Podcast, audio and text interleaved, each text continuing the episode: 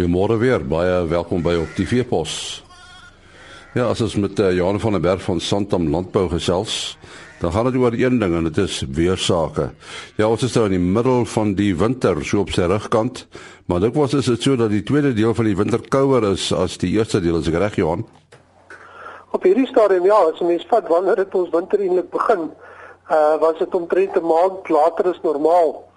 Uh ons het ons eerste ryp oor die algemeen eers hier in begin Junie gekry waar die gemiddelde intree datum vir ryp al hier uh, begin Mei maand is. So ja, op hierdie stadium kom die koue fronte meer gereeld deur. Uh, ons sien ook dat die Kaap nou omtrent vir die laaste week of 2, 3 vir die eerste keer regtig maar goeie reën toe kry. En uh, wat beteken dit nou vir 'n somer, ook 'n laat somer? Ek wens ek het geweet. Daar's nie altyd 'n verband tussen hierdie goed nie. Ehm uh, wat tans gebeur is, daar's 'n redelike sterk El Niño wat besig is om te ontwikkel.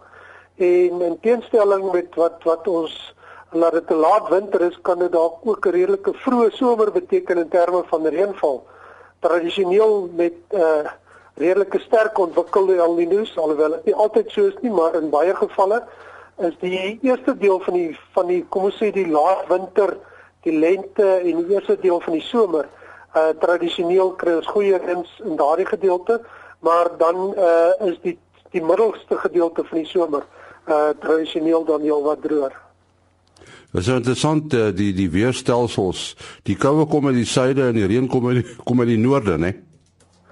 Ja, ons ons uh dit is uh wat gebeur is dat uh met die koue fronte wat deurkom uh en daar's 'n bietjie vog wat alreeds of wat wat hier uit die noorde afkom uh, wat dan hierdie twee saam gee vir ons dan ook 'n situasie wat wat 'n bietjie die reënval stimuleer uh saam met laagdrukstelsels wat hier oor die laag oor die weste kant ontwikkel. So ja, op hierdie dit is eintlik 'n tipe van 'n mengsel tussen somer en winterstelsels. Uh, tradisioneel ander jare hierdie tyd is daar bitter min vog wat inkom terwyl uh, op hierdie stadium ons dit al gesien uh hier in Julie maand het ons 2 3 keer uh selfs hier in die Vrystaat het ons uh, 10 20 mm reën gehad. Nou sien ons ander plekke in die wêreld waar daar oorstromings en so aan is. Uh die El Niño, wat bedui dit vir ons eintlik wat reënval betref in die somer? Ja, as jy mens globaal kyk, ek sal terugkom na Suid-Afrika, maar globaal as daar El Niño is, is daar 'n redelike verstoring in reënvalpatrone. Uh van die grootste versteurings is gewoonlik Australië, uh ook baie droë toestande wat wat daar heers. Uh en en ander gedeeltes kry ons weer uh in die FSA byvoorbeeld uh is die kans vir reën weer bo gemiddeld. So daar's 'n redelike groot versteurings wat wat plaasvind. As mense ook kyk wat het gebeur hier die laaste paar weke, uh is dat daar baie ekstreme temperature voorgekom het. Uh nou 'n week of 2 gelede was Washington was die maksimum temperatuur so iets soos 41 grade. Uh in in in Europa, Spanje 738 grade. So daar is op hierdie stadium redelike aanduidings dat ekstreme weerspatrone voorkom en dit is nie noodwendig gekoppel aan klimaatsverandering nie, maar eerder aan El Niño en en hierdie tipe van faktore.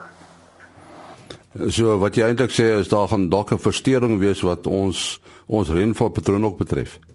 Op hierdie stadium lyk dit so. En uh wat wat El Niño betref, uh soos ons al hier in die begin genoem het, uh tradisioneel uh redelike goeie reën in die begin van die seisoen en dan vir al die middelste gedeelte van die seisoen en selfs later die tweede deel van die seisoen uh ook ondergemiddelde reënval. Uh so mense moet sien hoe dit gaan uitloop. Daar's nooit 'n tipiese El Niño nie, daar's altyd versteurings en daar's ook ander faktore soos die Indiese Oseaan uh wat die effek van El Niño kan versterk of verswak.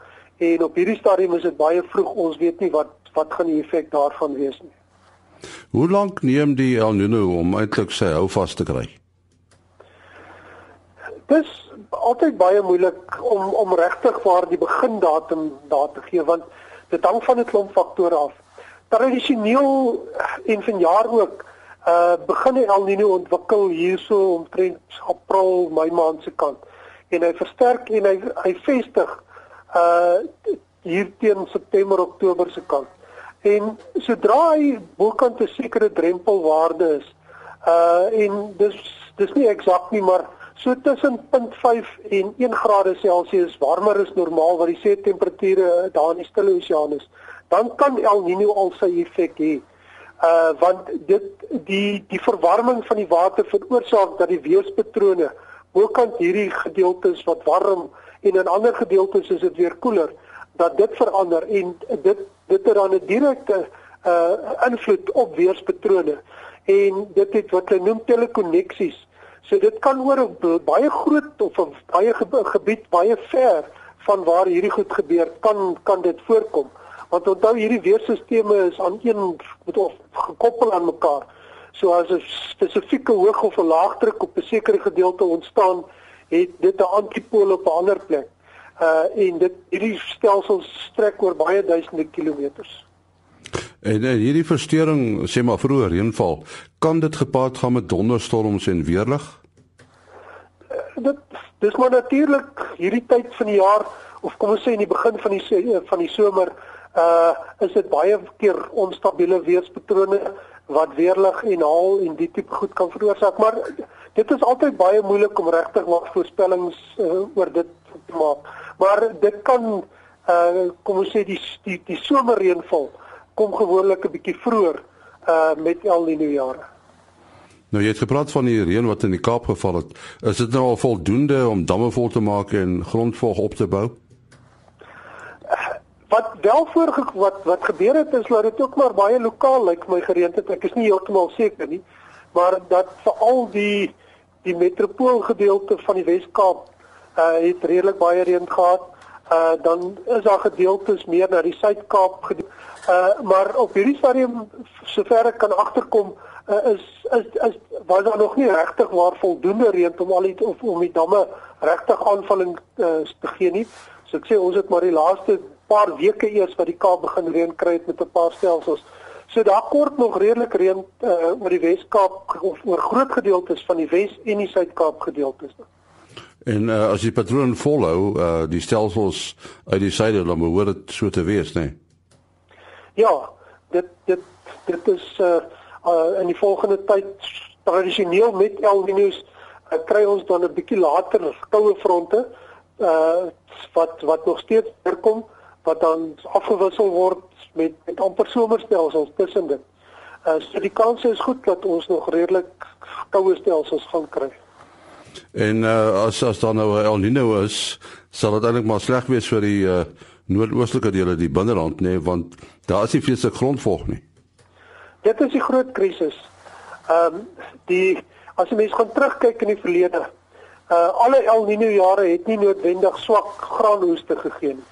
Maar daar's ander faktore soos wat jy noem uh, grondvolg. Uh as daar redelik opgegaarde grondvolg van die vorige seisoen was, as jy mens praat van 100, 120, 150 mm wat in die grond opgegaar kan wees, is dit al amper 'n halwe seisoen se reënval. Op hierdie stadium is daar bitter min vol. Ehm uh, die die vorige seisoen was al reeds baie droog. Ons het erge droogtes gehad. Baie van die volges uh, of, of kom ons sê omtrent al die volges onttrek in die wortelzones en sedertdien was daar 'n klomp reën, maar nie regtig waar oor groot gebiede en groot hoeveelhede uh, wat regte grondvog aanvullings gegee het nie. So dit kan nogal vir ons 'n redelike probleem skep. Uh wat 'n mens hoop is dat ons in die lente maande dalk redelik reën kan kry wat aan grondvog aanvullings kan gee. Maar indien dit gebeur is dit baie keer 'n aanduiding uh dat ons heelwat minder reën later in die seisoen gaan kry. So aan die een kant hoop mense dat ons wel gaan reën kry in die lente, maar aan die ander kant is dit uh, 'n negatiewe sein vir die res van die seisoen. Nou kan dit gebeur dat die El Niño verander voordat die somer kom. Daar kan effense veranderings plaasvind.